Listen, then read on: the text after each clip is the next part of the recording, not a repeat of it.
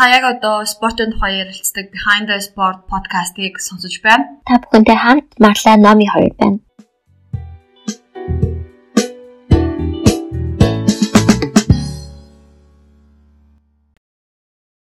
Сэмэцгэнөө та бүхэн яг одоо Behind the Sport спортын подкастыг сонсож байна. Бид удаагийнхаа дугаараар спорт дах эмэгтэйчүүд тэдний оролцоо тулгамдж байгаа асуудлуудын тухай ярилцгаар олон улсын олимпийн хорооны спорт ба эмэгтэйчүүд комист 2015-аас 19 оны хооронд сонгогдсон ажиллаж байсан тунгалаг хичээгээ уурж ярилцахад бэлэн болоод байна.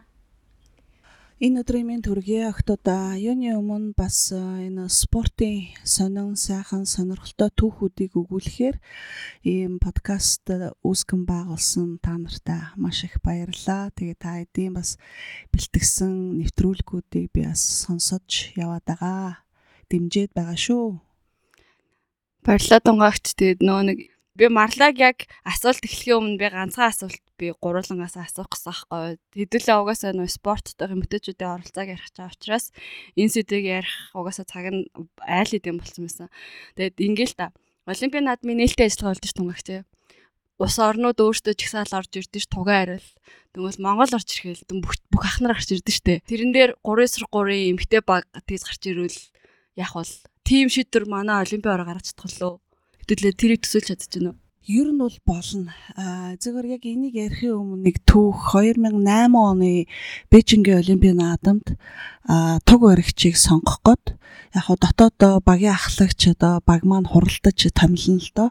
Энийг бид нэр томиллож одоо сонгосон хүнээ олон улсын олимпийн хороонд яг нөгөө албан ёсны мэдүүлгэн дээр нөх ёстой. Тэгээ би тэд яг нөгөө ажлын хэсэг хуралдаад олимпийн хороон дээр хуралдаад ижсэн. Тэгээ бүгдөө гişүүд саналаа хэлсэн байхгүй. За хинээр туг оруулах вэ гэл тэгэл тэнчин одоо ажлын хэсгээс одоо штабад одоо миний хувьд эмхтэй. Аа тэгээд яг саналаа хэлээл явж ирсэн над дээр санал ирэхээр үгүй Эрдэнэ тод гавьятаар одоо туг бариулж болохгүй мүү гэл бас эмхтэй хүн гэдэг утгаараа л зүтгүүлэх гэдэг юм л да. Тэгсэн насаа огшид нар тэгэл талигч дамдан багшид нар няцаагаал тэгэл яг амжилт олоогүй л да. А зөвөр эсэргээрээ өвлийн олимпийн наадамд болохоор нөгөө хоёрхан тамирч ордог тийм ээ. Гүйлт ч юм уу цөөн тооны тамирч орохоор эрэгтэй эмэгтэй гэж явахаар эмэгтэй тамирч нь илүү амжилт өндөртэй болохоор гарцаагүй одоо тугаа мандуулаад одоо Монголынхаа далбайг өргөөж явах боломжтой болчдөг.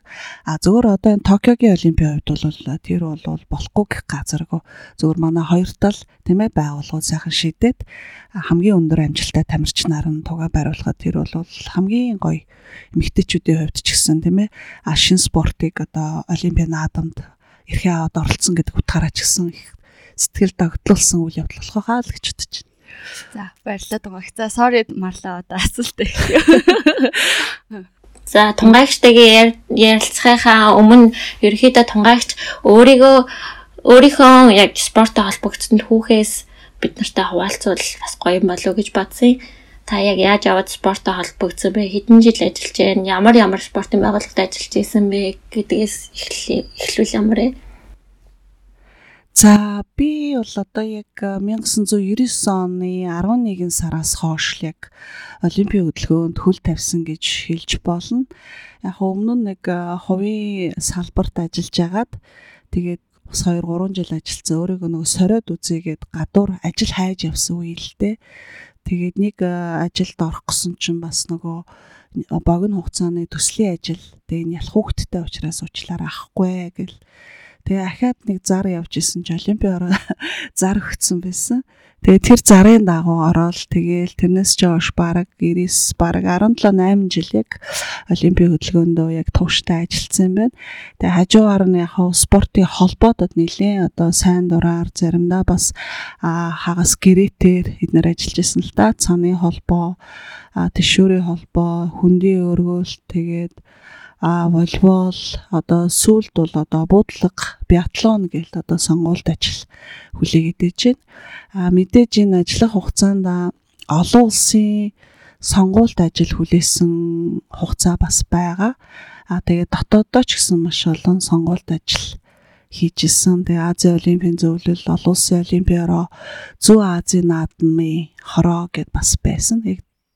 Аха. Зөв зөв. Та олон улсын олимпийн орны спорт ба эмэгтэйчүүд комиссын комисс сонгогдож гишүүнээр ажилласан анхны Монгол эмэгтэй хүн те. Анх яаж тэр комисс сонгогдсон? Мөн энэ спорт ба эмэгтэйчүүд гэсэн комиссын яг зорилго нь юу? Ямар үндсэн үйл ажиллагаанууд явуулдیں۔ Энэ талаар та биднэрт ярьж өгвөл зүгээр юм болов. Тийм 95 онд тэг яг анхны одоо комисс олон улсын олимпийн орон дээр байгуулагдаад тэгээ ерөөхдөө 2014 он хүртэл тийм ээ одоо яг одоо эмэгтэй охид эмэгтэйчүүдийг одоо оролцоог нэмэгдүүлэх олимпийн наадамд эмэгтэй тамирчдыг оролцуулах тэр үед бол нөгөө шийдвэр гаргах төвшөнд олон улсдаа ч муу адил үндэсний олимпийн хороондоо ч муу адил төлөөлөл маш бага байсан.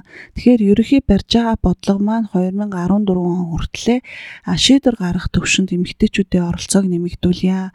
А 2014 он хүртэл бараг 21% болгоно гэд ийм том зорилт төвшүүлж исэн. Тэгээ энэндэж бас хүрсэн маш үндэсний олон үндэсний олимпийн ороо бол эмэгтэй төлөөлөл эмэгтэй удирдагч багштай болоод цөөн тооны одоо үндэсний олимпийн ороо те улс төрийн нөхцөл байдлын улмаас харьцангуй хаалттай байсан бол жоохон нээлттэй болж ирж эмэгтэйчүүдэд оролцуулж байсан л да.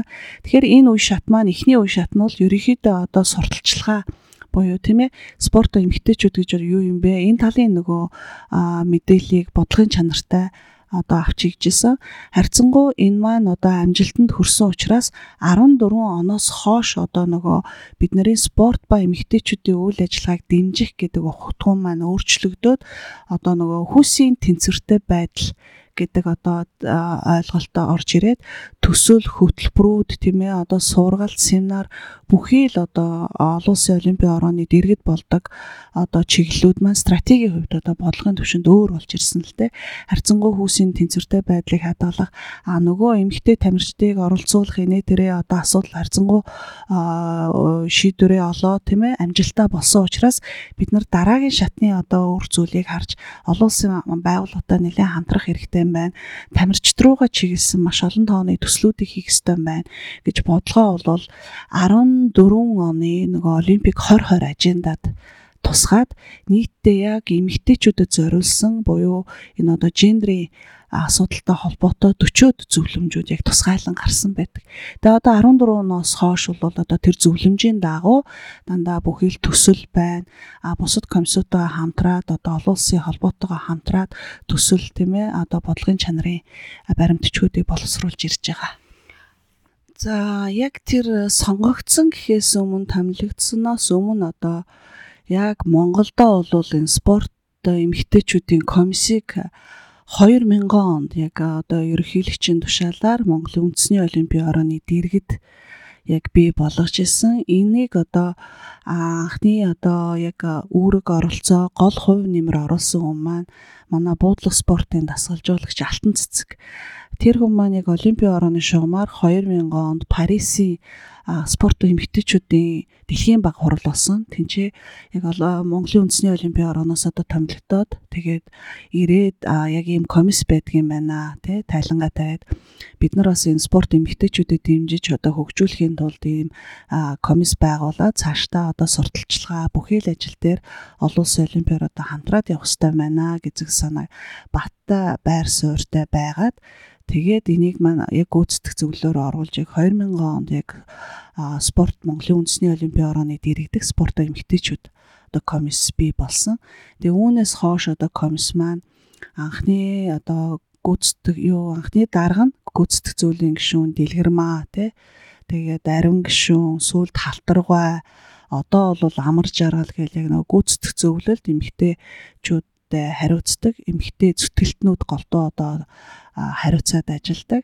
Тэгээ энэ хугацаанд яг хуу Монгол улсад мэдээж яг хөгжлийн хэн шат болохоор илүү нөгөө сурталчилгааны талыг их хариуцж хийдэг байсан. Бид нар анхны одоо спорт эмэгтэйчүүд зөвлөгөөн хийн.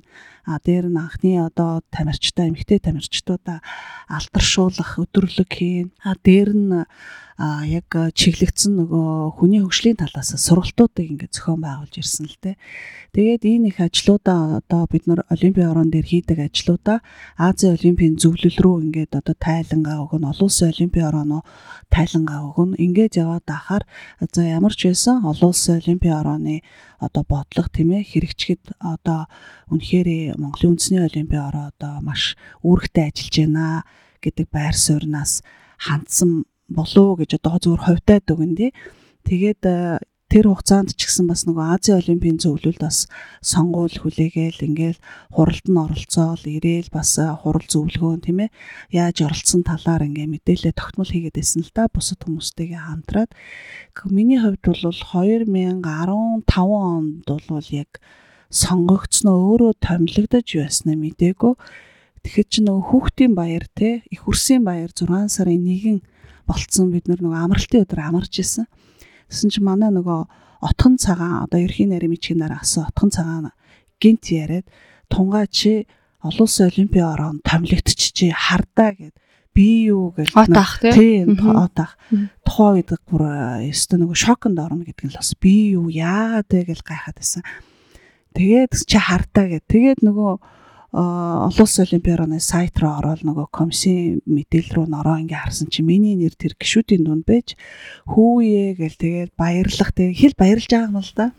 Мэдээж баярлал ийм том одоо тийм ээ олон улсын олимпиараны одоо ийм том одоо комисс тэгээд ийм том хүмүүстэй ингэж томилогдоод нэг баг болоод явах нэ гэдээ бүр үнэхээр гайхаж яажсан сэтгэл бол үнэхээр өндөр байсан.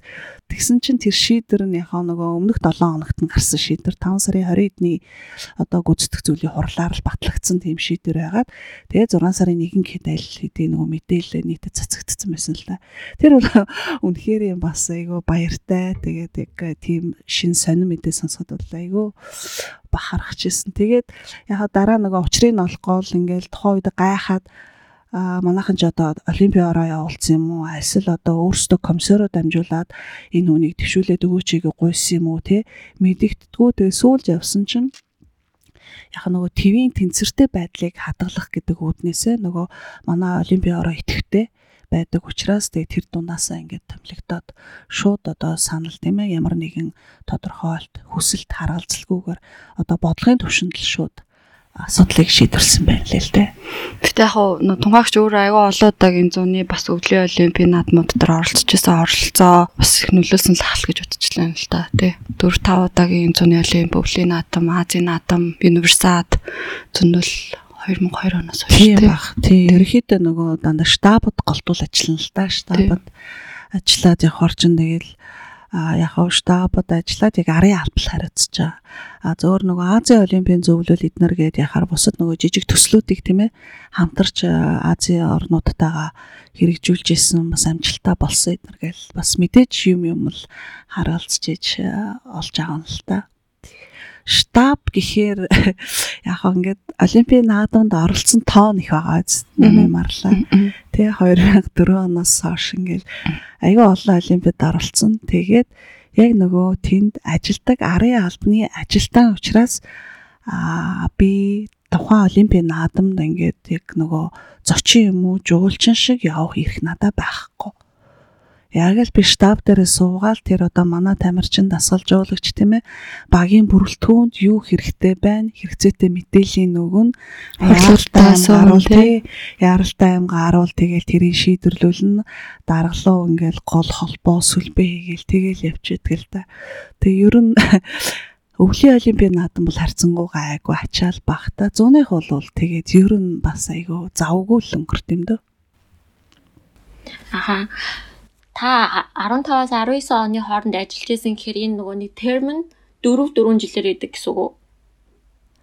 Үгүй сонголт хугацаа тий. Тийм сонголт хугацаа. Яг нөгөө олон улсын олимпийн орооны гишүүн биш учраас яг тодорхой тийм үе байхгүй.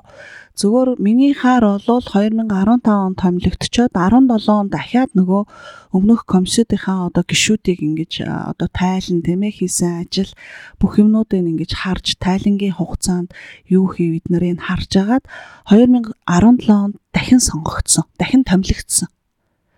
Тийм. Тэгэхээр нийтдээ 2 удаа томилогдсон гэсэн үг. А тэрнээс ш одоо ерөөхдөө олимпийн циклэр одоо 4 жилийн хугацаатай сонгоо дахиад 8 жилээ гэсэн тийм байхгүй.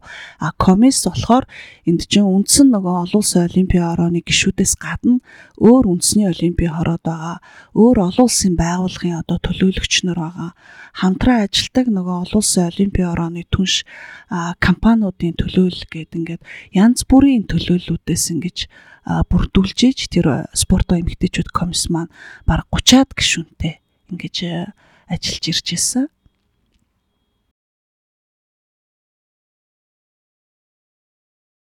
Нөө нэг хэдүүлээ бас спорт дэх хэмтээчүүдэд оролцоо гэж ярихаасаа өмнө нэг зүйлийг бас сонсогч нарт тайлбарлуулна гэж бодож байна л та марлаа.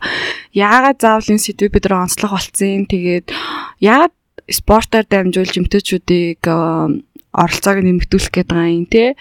Яагаад заавал энийг бүр ингэж тодтоо яагаад бид спорт дах эрэгтэйчүүдийн оролцоо гэж ярихгүй те ингэж яриад байгаа юм гэдгээ бас жоохон тодруулчвал бас зүгээр ахал гэж бодож байна л да. Яхаа олон улсын олимпиараны төвшөнд бол мэдээж яг тухайн үед одоо энэ яг шинэ хөдөлгөөн бий болох үед одоо эмэгтэй зүтгэлтнүүд шийдвэр гаргах төвшөнд бол байхгүй байсан. Тэгээ энэ одоо мэдээж шаардлагатай болж ирсэн тийм ээ. А олон улсын олимпийн орооны ивэлдэр болдог олимпийн наадмуудад оролцож байгаа эмэгтэй тамирчдын тоо цөөхөн байсан тийм ээ эмэгтэй төрлүүд нь бас дагаа цөөхөн байсан учраас цөөхөн байсан хэдэн болоо эмэгтэй тамирчдын төрлийг нэмэгдүүлээ тэгэхээр тэр тэрийг нэмэгдүүлвэл дагаад эмгтээчүүд маань оролцсноо. Тэгээд мэдээж гол нь нөгөө яагаад энэ эмгтээчүүдийг дэмжигээд байгаа эргээд нөгөө нийгэм талын үр өгөөж ач холбогдол өндөрлөлтөө тийм ээ. А цаашдаа одоо өндөр зэрэглэлийн эмгтээ тамирчин гэхэд залуу үедээ үлгэрлэн дуурайх тийм ээ. Шин одоо тамирчдыг бэлтгэхэд одоо хамгийн сайн үлгэр дуурайл гээл. Маш олон ач холбогдол ихтэй. Нийгмийн талаасаа ч тэр тий хувь хүний хөгжил талаасаа ч тэр. Тэр утгаараа л ерөөсөө маш цөөхөн байсан юмыг л одоо олон бий болгож а одоо бол 50 50% та олчлоо шүү дээ спортын наадмын хөтөлбөрт багтдаг зууны төрлүүд тийм ээ. Тийм нөө нэг спорт ч өөрөө яг нөө хөх залуучуудыг хөгжүүлэх хэрэгсэл гэж одоо хардаг байхгүй юу? Миний харуулбал.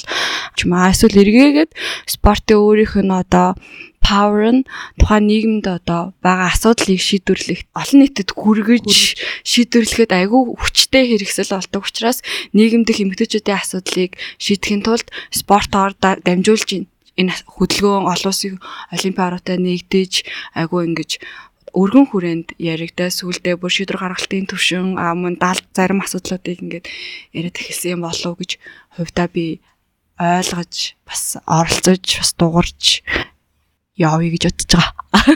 Сайн бай. Тэр та гомдтой нийгэмд үзүүлэх ач холбогдол тийм марлаа. Тийм нөгөө спортын одоо тэг эв нэгдэл одоо тэгш тэгш байдлыг сурчлах хамгийн том одоо платформ тий олон нийтэд хүрч болох. Тийм тэр талаасаа бас бас олон талаас нь хардаг л та тий.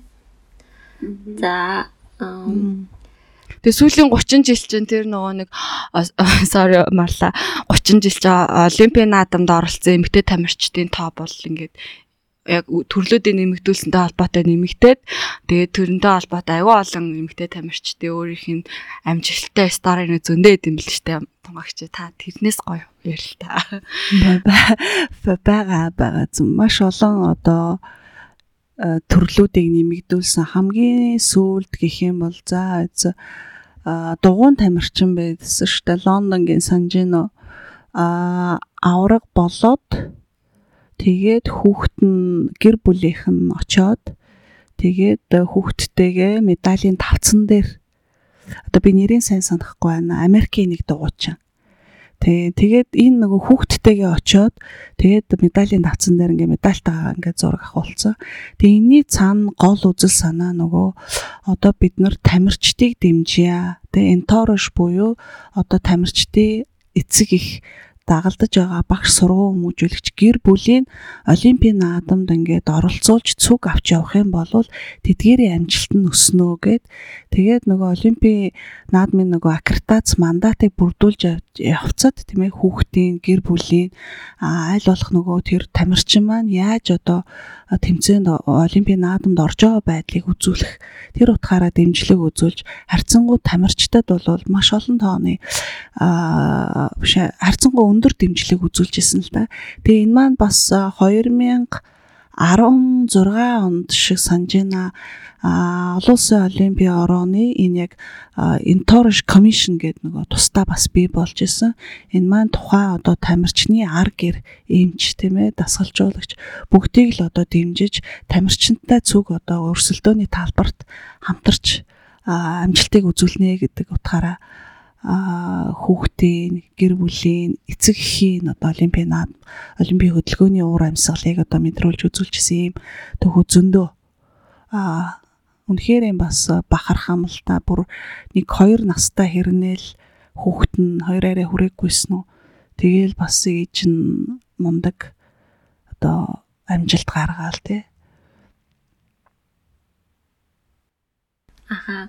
Тамирчдын яг олимпийн наадамд оролцож байгаа тамирчдын хувьд бол баг энэ нөгөө нэг гендрийн тэгш байдал баг ерөнхийдөө зоржсэн зорилтондоо баг хүрсэн гэж ойлгож байна те анх 1900 онд эмэгтэйчүүд хамгийн анх олимпиад орж ихэлсэн ихэлснээс хойш Токиогийн олимпиад болох хамгийн их буюу 48.8% нь эмэгтэй хүм эмэгтэй тамирчид оролцож байгаа юм л да.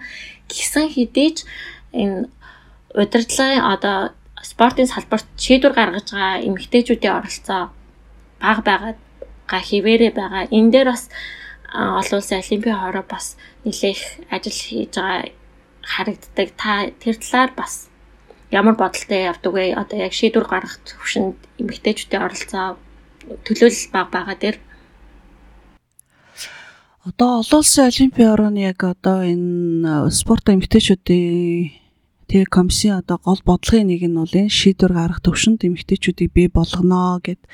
Тэгээд олон улсын олимпийн ороо сүүлийн 3 жил а олон улсын спортын холбоотой маш одоо нэгт ажилласан. Жил бүр одоо олон улсын олимпийн хороо олон улсын спортын холбоо хамтарч яг энэ э, хүүсийн тэнцвэртэй байдлыг хадгалах гэсэн сэдвийн дор 3 удаагийн семинар 3 жил тутам зохион байгуулсан. Энэ маань одоо олон улсын олимпийн ороо, олон улсын спортын холбоо, олон улсын спортын холбоон доошогоо үндэсний одоо төвшөнд спортын холбоод руу одоо бодлого чиглэлээ хөргүүлдэг харамсалтай нь одоо манай одоо Аз твийн хэмжээнд бол яг энэ тоо бол маш бага гэж хэлж болно л доо төлөөлөл шийдвэр гаргах төвшөнд бол төлөөл бага байна.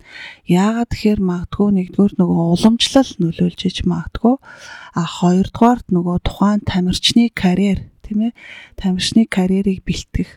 А гуравдугаарт одоо хувь хүний хөгжил магадгүй одоо зүгээр энгийн зүтгэлтэн а дасгалжуулагч тийм ээ тэр хүмүүсүүдийн одоо хувийн хөгжил бас нөлөөлөд тэрнээс биш олон улсын олимпийн хороо а ерөөхдөө бодлогоо гаргаад өгцөн. Олон улсын спорттой холбоотойгоо хамтраа дэмжиж өгье тийм ээ. Одоо жишээ нь нөгөө олон улсын спортын холбооны том сонгуулийн хурал чуулган болоход тэрэн дээр бол дөрвөн дээр хамгийн сүүлд бол биатлоны холбоо бүр зааж өгч байгаа. Тэ одоо энэ хуралд чуулганд 3 хүртэлх төлөөлөгч оролцож болно. А түүний нэг нь им заавал эмгтэй байх ёстой. Зөвхөн чуулганд оролцох төлөөллийн тэ нэг улсаас ирж байгаа одоо юу хүүсийн харьцааг бол нэг болгоно. Энэ маань ч гэсэн олон улсын олимпийн орооны төсөл дээр ч гэсэн байгаа. Төслийн шаардлага дээр манай үндэсний спортын холбоодод удирдах зөвлөлтөй эмэгтэй гишүүнтэй байх ёстой л гэсэн үг шүү дээ. Тий, тий. Ингээд цаанаасаа бүр бүх боломжийг нээж өгч байгаа. Одоо тэр ялангуяа хэрэгжүүлж байгаа төслүүд дээр одоо олон улсын олимпийн орооны дасгалжуулагчийн одоо том хөтөлбөрүүд байдаг л да. Маш гоё олон улсын том том төвүүдэд яд суралцдаг. Тэрэн дээр бол а одоо өргөдлөө тийм ээ. Энэ сургалтанд хамрагдаад хамрагдахыг хүсэж байгаа хүмүүсүүдийн өргөдөл авах вэ? Хэдэн хувийн эмэгтэй байвал илүү одоо эмэгтэйгийн дэмжнэ ч гэдэм үү те? Одоо 3 хүн өргөдлөө өгсөн байхад эмэгтэйг нь илүү дэмжнэ гэж бодлогын төвшөнд ингээ бүр дасгалжуулагчдын ч тэр тийм ээ тамирчдын тэр одоо дээд удирдах төвшөнд ч гэсэн одоо ингээ хүүс тооны харьцаа эднэр заагаад ингээд яваад байгаа л да. Гол нь нөгөө хэрэгжүүлэлт доод нөгөө төвшөндөө л одоо жоохон алдагдаад бодлого байхгүй болчиход байгаа л гэсэн үг. Би ганц хоёр тоо харсан байхгүй юу? Тэсэн чинь олон улсын төвшөнд 206 үндэсний олимпийн хорооноос 17 эмэгтэй ерөнхийлөгч 36 ерөнхий нарийн бичгийн дарга тэгээ бусад бас шийдвэр гаргах төвшөнд эмэгтэйчүүд ажилт юм байна. А өвлийн болон зуны спорт зуны спортын олон улсын холбоод 35 холбооноос 2 ерөнхийлөгч 6 ерөнхий нарийн бичгийн дарга байгаа юм. Энэ тоо Монголд ямар хөө байгаа вэ? Танд тэн дээр яг мэдж байгаа тоо баримт байна уу? Монголд гэхээсээ Азад наад тооноос ч одоо Аз твд Азад 45 улс үндэсний олимпиараа байгаа. Тэгэхэд одоо ганцхан Турк эмэгтэй ерөнхий нарийн бичгийн даргатай гэж явж байгаа. Аа Олимпийн орон тий? Тий, Олимпийн орон, зөвхөн Олимпийн орон. Тэгээд эмэгтэй Малайз эмэгтэй ерөнхий нарийн бичгийн даргатай байсан боловч буудсан. А өмнөх 16-аас өмнө байхаа Индонезийн ерөнхийлөгч эмэгтэй байсан. Тэгээд ерөөхдөө Азад бол ерөөсөө 1 2 1 2 а дид ерөнхийлөгч бусад гүйцэтгэх зөвлөлийн гишүүд бол харьцангуй байгаа. А манай үндэсний олимпийн ороонд авах юм бол манайх бол ерөөхдөө дөрмээрээ 11 11 гишүүнтэй тийм ээ. 11 гишүүнээс одоо зөвхөн нэг л эмэгтэй. Тий, нэг эмэгтэй маань 11% л гэж үзэж байгаа юм л да. Тэгэхээр энэ нөгөө олон улсын олимпийн орооны нөгөө зовсон зорилтод хүрэхгүй байна. Бид нар адаглаад энийг хоёр болох хэвээр За спортын холбоод маань.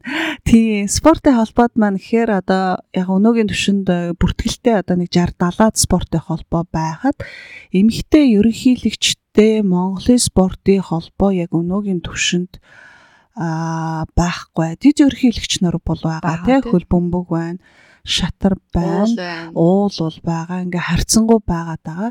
Яг ганцхан тишүүр юм байна. Өвлийн спортоос яг ганцхан эмгтэй ерөнхийлөгчтэй одоо яг миний би магадгүй энэ дээр алдчихж магадгүй сүүлийн үед юу хараагүй учраас а тэгээ ерөнхий нарийн бичгийн дараа бол харьцангуй одоо их тэгэхээр энэ маань нөгөө нэг одоо 21% ч юм уу те 40%, 30% гэж одоо олон улсын олимпийн орооны тавьсан зорилтод бол хаанаач хүрэхгүй. Тэгэхээр нөгөө юу л бид нар өөрсдөө нөгөө бодлогын төвшөнд л өөрсдөө баримтаа одоо адаглаад дүрмээ тий дүрмээ боловсруулад эмгтээчүүдийг аль болох дэмжнэ гэл явал зүгээр л те магадгүй нөгөө л нэг шалтгаан бас байж болох юм л да те эмгтээчүүд илүү спорт руу орох дурггүй ч юм уу те бас янз бүрийн шалтгаан бас байж болохыг үгүйсэхгүй л дээ тий. Үгүй гүт чинь нийгмийн янз бүрийн юмнууд зөндөө идэв шүү лээ. Яха тэр асуудал өөр л дөө тий. А зөвөр яг өөрсдөө бэлтгий гээл одоо яах юм бол болно л одоо манай буудлах спортын тамирчин хөтөлбөрийн баатар гүндэгмаа болвол буудлах спортын гүйцэтгэх зөвлөлийн гишүүн. Тэгээд ингээд миний бие нэмэгдээд ингээ хоёр Ингээ энэ маань бас амжилт магадгүй өшөө хүмүүс нээлттэй оролцохыг хүсвэл тэр нөгөө одоо сонгуул дүрм те сонгох журманда боловсруулаад дүрмдээ өөрчлөлт хийгээд нээлттэй зарлж болно то. Үнэхээр хүн одоо өөрөө нөгөө өөрийгөө сорий гэж бодож байгаа бол тэр нь л гол нь нээлттэй байх хэвээр а хүсэх хүсэхгүй бол дараагийн асуудал л да. Тэгэхээр бид нар аль болох адаглаад олимпийн төрөл дээрээ олимпийн спорт дээрээ энийг бас харж үзмээр л юм шиг байт юм л да. Аха энэ дээрээс гинт нэг асуулт бодогдчихлоо. Ер нь спортын салбарт ажиллаж байгаа эмэгтэй хүн заавал байх ийм зан чанарууд ч юм уу чадварууд ямар тийм чадварууд байх ёстой вэ? Би хэлгүй марлаа натгачаа тунгаагч би надад яа? Би хараа би энийг ярмаар байгаа байхгүй. Аль төрөнөөс хойш мартахгүй байх хичээгээд би чи нөгөө шүүгч болсон штэ олон улсын шүүгч бол нэг хаанаас ч мэдгүй тийм юм бодож олоод тэрнийхээ хойноос яваад аа тэгээд надад ямар байхыг шаардсан бэ гэхээр намайг надыг тууштай байхыг шаардсан.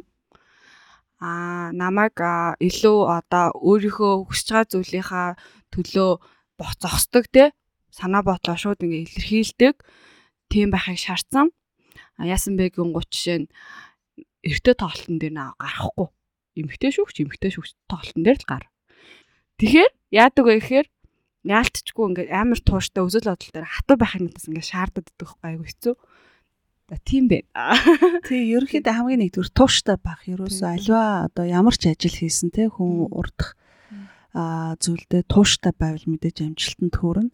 А хоёрдугаар яг спортын салбар олимпийн хөдөлгөөн гэхээр бид нар харьцангуй нөгөө одоо цагаа зохицуулж чаддаг байх. Цагийн менежмент сайтай. Яагаад тэгэхээр бид нар эсэргээрээ нөгөө спортын байгууллагад спортын уралдаан тэмцээнүүд ихэнх нь дандаа нөгөө заал танхимаасаа олоод дандаа амралтын өдрүүдэд болдог. Тэгэхээр уучлаарай ар гэрийн асуудлыг жоохон зохицуулъя тий. Тий ар гэрийн ажлыг зохицуулъя.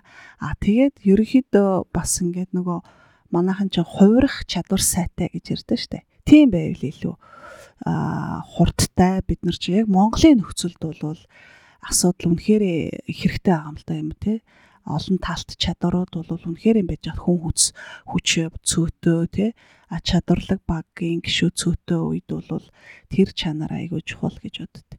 А мэдээж тэгэл одоо хилний шаардлага байгаа. Тэгэл зан харилцааны үед үнэхээр одоо бас юу гэмдэ одоо хүн загнуулсан ч гэсэн тэгэл уйлал дуугаал яж ахгүй бол тэгэл маш олон хүн загнуулж уйлна штэ марлаа. Би ч яг зөндөө хүн загнуулсан. Тийм тийм. Тэр тэрнэр одоо маш их төвчээртэй тийм төвчээртэй ахгүй би ч гэсэн тэгэл олон жилийн өмнө загнуулаад уйлна. Зүгээр заримдаа бол зүгээр шууд гомдоол. Уйлчих ч үе байж лээсэн л та тэгэл. Загнуул бол наад зах юм чинь нэг харилцааны асуудал гэдэг чинь тий. Аюу хэцүү.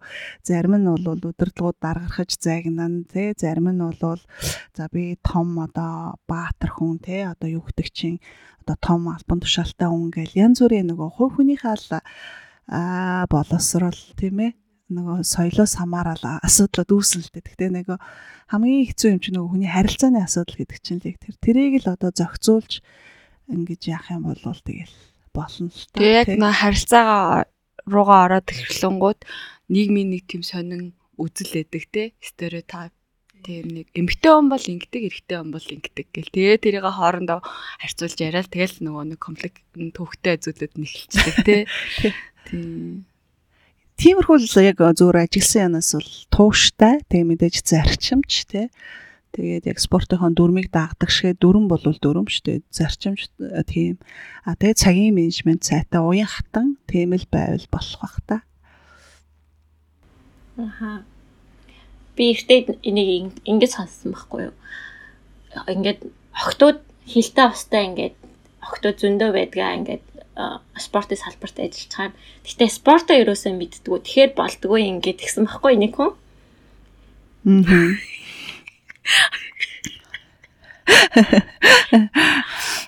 Тэ хоёлоо одоо спорт яриад болж юм уу марлаа. Гэхдээ яг энийг болохгүй хасчихна. Хассан шүү дээ. Тэгтээ зүгээр зүгээр хаслуу. Тэрний юу гэж бодсон гэхээр хүн өөрөө үнэхээр амар тийм э, одоо үнэхээр энэ салбарт ажиллая гэдэг амар passionate байгаа. Тэгээд чадвар нь ах юм бол одоо тэр тэр одоо спортын тухай одоо specific одоо ямар нэг спортын тухай мэдэх судлах юу чинь болохоор яванда хангалттай мэддэг болчих гэж би бодоод байдаг байхгүй юу. Үгүй марла наа жишээ чинь би биш үү? Би өөрөө ш. Би өөрөө спорт их биш штэ. Тийм би өөрөө л спортын байгууллагад одоо 2000 оноос 99 оноос хойш л дөнгөж хүл тавиал орж ирээл тэр тогоон дотор нь чанагдаал сурах юмаа сураал те авах юмаа аваал ингээл өөрөө л тууштай явс. Тэрнээс биш яг наад ухагтхуун болвол үгүй явцын донд л хүн өөрөө хүсэл байвал сураад аавна. А дээр нь тэрийг залж явах нөгөө дээд одоо удирдлагууд те ахлах төвшний менежерүүд байх ёстой. Хүн болгон төгс биш. Тэгэхээр бид нөгөө спортын биш спортын мөн гэд англиад ахаар нөгөө манай байгууллага маань хөгжихөө болчихно гэж би хувьтай бод. Аа манай улс орны тогтолцоо сайн менежер байхад бол тэгэл тэр одоо юу байна уу одоо тийм ээ тухайн ажлыг бол аваад явна. Заавал мэрэгжлийн нарийн байна уу? Явцын донд одоо маш сайн зөвлөхөөтэй өөрөө ухаж материалаа сайн судалдаг байх хэвээр тий зөвлөх хамт олон байна. Тэгжээс сурвал болно. Би бол наадан дээр эсрэг байна. Олон улсын олимпийн хороо ер нь энэ хүйсийн тэнцвэртэй байдлыг хадгалах тухай хийж байгаа төслүүдийн тайлан зөв заавар зөвлөмжүүд ер нь үндэсний олимпийн хороонууд холбоотуудаа хөргүүлдэг юм байлээ. Эндээ эндээ ер нь яг манай үндэсний олимпийн хороо ч юм уу спортын холбоотууд яаж уялдаж ажилладаг вэ? Тэр тэндээс гарсан зөвлөмжүүдийг ер нь тусгаж ажилладаг уу?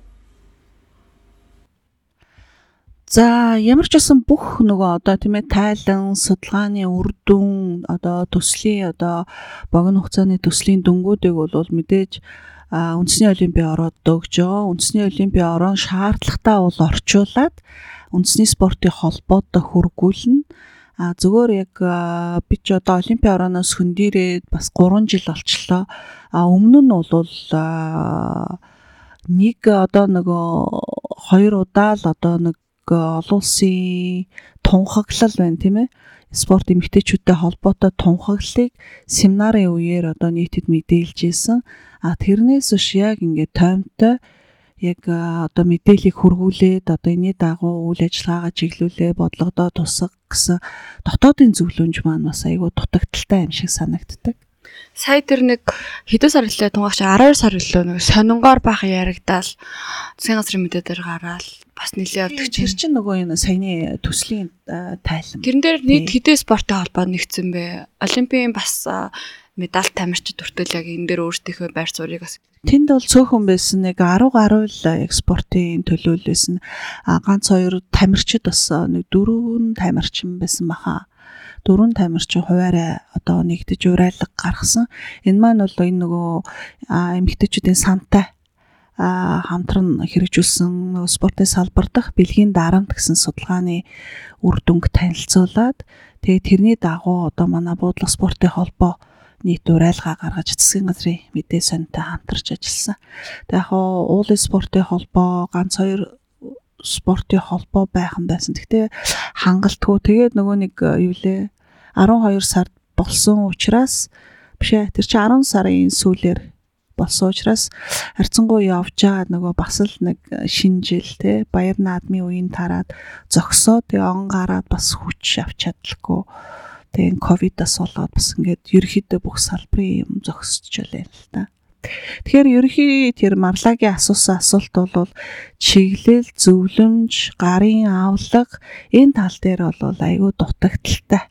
Та хэд магадгүй бас анзаарсан ч гэж магадгүй өөрсдөө холбоод дээр тий би болгоцсон одоо анимашн ч юм уу тийм юм анзаарч ирсэн үү? Сурталчилгааны гэсэн үг сурталчилгааны тий. Тэгэхээр айгүй дутагдaltaй энэ хэсэг дээр бол.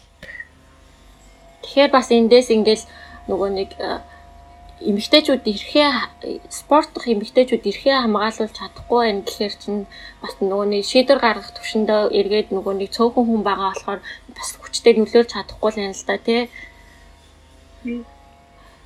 Уг нь бол энэ нөгөө олон улсын олимпийн орооноос гаргасан энэ зөвлөмжүүд энэ тайлангуудад бүх одоо жишээ нь одоо бэлгийн хүчирхийлэл ч юм эсвэл зүгээр ерөн хүчирхийлэл гэдэг чинь дотроо спорт дотроо ийм ийм ингэж тооцогддог юм байна. Ийм ийм үр нөлөөтэй юм байна. Бүгднийг бичсэн байт юм байна л та. Уг нь бол энийг Монголыг хөвлөвчүүл зүгээр л шиг санагдсан. А яхаа хамгийн сүүлд буудлага спортын холбооны чуулга 12 сард болсон юм юу хин тэнд нөгөө манай цогцойхон эмнэлгийн комиссийн сонгуультай тийшээ оролцож ирээд одоо яг эмнэлгийн комисс яг энэ энэ талын гендрийн асуудалтай холбоотой зөвлөмжийг орчуулад бэлтгэсэн. А холбоогоор бол багталцаа юу ятсан байгаа. Батлуулсан байгаа. Тэгэхээр тэрэн дээр бол яг нэг олон улсын холбоо үндэсний спортын холбоо гэх тэр чиглэлийнхэн дагуу яг үүрэг авсан учраас одоо манай буудлах спортын холбоон дээр бол материал нь бол ерөөхдөө бэлэн болцсон байгаа. Одоо энийг шигшээ багийн тамирчид бэлтгэлдээ гараад эхэлж гин эний дараа нэг боломжинд гарвал цахимаар ч гэсэн бид нэр сургалт хийгээд энэ одоо холбогдох журмуудыг танилцуулаад таниулаад явна. А зөвөр яг анзаарснаар болвол яг хуу эрх зүүн тал дээр бид нөгөө яг тохиолдол бий болоо аль нэгэн одоо хохирол учрлаа гэхэд шийдвэрлэх арга зам яг спортынхаа энэ нөгөө эрх зүйн баримт бичгэнд тусгагдаагүй байдаг. Энийг бол нөгөө хэн энэ төслийн хүрээнд шараа дараад одоо уламжилсан байгаа. Тэгэхээр одоо ерөөхдөө төсөл дээр ажиллаж исэн одоо Оюнбат дарга эднэр ч гэсэн яг төслийн нэгэн бүрэлдэхүүн болсон учраас шгшээ багийн тамирчид а улсын улстай гэрээ байгуулахдаа энэ журам дээр нь одоо тусгаад өгнө. Тэ энэхээр тий. Тэгэхээр энэ маань арай гарц нааша эргэж гинэ л гэсэн. Нэг ч гэсэн алхам тий. Нэг ч гэсэн алхам гэж харж болно л доо. Одоо яг би намир спортын газар маань шгшээ багийн тамирчтайгаа гэрээ байгуулахдаа тэг ямарваа нэгэн ёс зүйн алдаа гаргавал одоо хариуцлага ногдуулна гэсэн. Энэ ялангуяа энэ хүчирхийлэл бэлгийн дарамттай асуудал дээр бол заалт оруулж боловсруулна. Тэгээд энийг гэрээндээ заагаад хамтраад явна. Тэгээ бид нэр тэгтээ манай дээр бас улс улсын нөгөө нэг эмгтээчүүд спорттой эмгтээчүүдийн оролцооны асуудал нэг өөр их шиг байгаа нэ шашин шүтлэг юуны улс төрийн бодлого ганц бүрийн юмнасаа хамаа хөшлөөсөө хамаарад манайх бас ч босч удаа мудаа эрдэнэ Эрдэнэ Эрдэнэ дод дасгалжуулагч те. Сумья авраг гэл бас эмгтээчүүдийн оролцоо бас гайгүй ч юм шиг яг э, зүгээр нөгөө юундаа бол гайгүй гэж хараад байгаа л да. Одоо эмгтээ тамирчид дасгалжуулагчд ажиллах хичээлэх орчин бол нээлттэй. Манайх нэг хориглоод байсан юм байхгүй шүү дээ одоо шүүгч бол өөрөө шаардлага хангаал явж ивэл тэгээл эмгтэй хүмүүсүүдийг нэг э, одоо тий энэнд оруулахгүй а магадгүй зүгээр нөгөө зарим тохиолдолд нэг болцлоо хангаагүй тий тэмцээнд орох нөгөө ялагдах ялах зарчмаар одоо асуудал үүсээд ирэхээр тэр тохиолдолд нөгөө харьцангуй одоо амжилт муу бол хоош нь үлдээгээд эргэтэйг нь явуулдаг ч юм уу тиймэрхүү юмнууд ганц хоёр мерсэр байгаад байна л да. Тэр бол нөгөө тухайн холбоо маань дотооддоо шийдэх асуудал хоёрдугаарт гол нөгөө журмандаа шийдсэн байх хэвээр тий. Ийм ийм одоо ирэх авах тэмцээнд ингэж оноо аваад явсан бол явнаа. Үгүй тохиолдол тий. Одоо ямар нэгэн хариуцлага алдаа гаргасан бол дараагийн амирч нь одоо чансаагаараа явнаа. Тэр нэг журмуудаа бид нар аягүй сайн цэгцтэй болгож л гармаар юм шиг. Нөгөө тоглолтын дүрм маань тодорхойгүй болохоор юм маань замрааг болоод байна л гэсэн үг л дээ.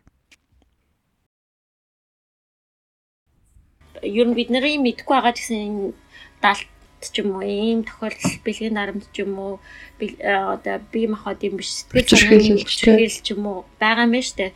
Энтэй эндээс одоо тамирч эмэгтэйчүүд спортын байгууллагад ажиллаж байгаа эмэгтэйчүүд эсвэл тамирчид өөртөө яаж хамгаалах, урьдчилан сэргийлэх боломж байгаа гэж бодож байна. Хэрвээ ийм тохиолдолд учирсан тохиолдолд хүнд хандах уу?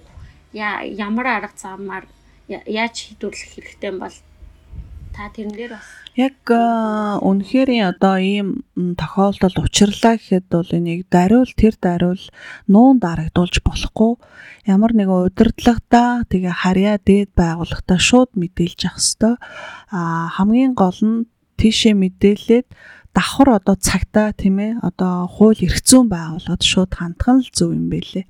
Тэгэхгүй бол ингээд нуун дарагдуулаад тухайн үед мэдээлээ тэгээл өөрөө явсаар байгаа өөрөө сэтгэл санааны хохиролд одоо ороод тий спорто ч юм уу ажиллаа ч юм уу орхиол ингээд явдаг.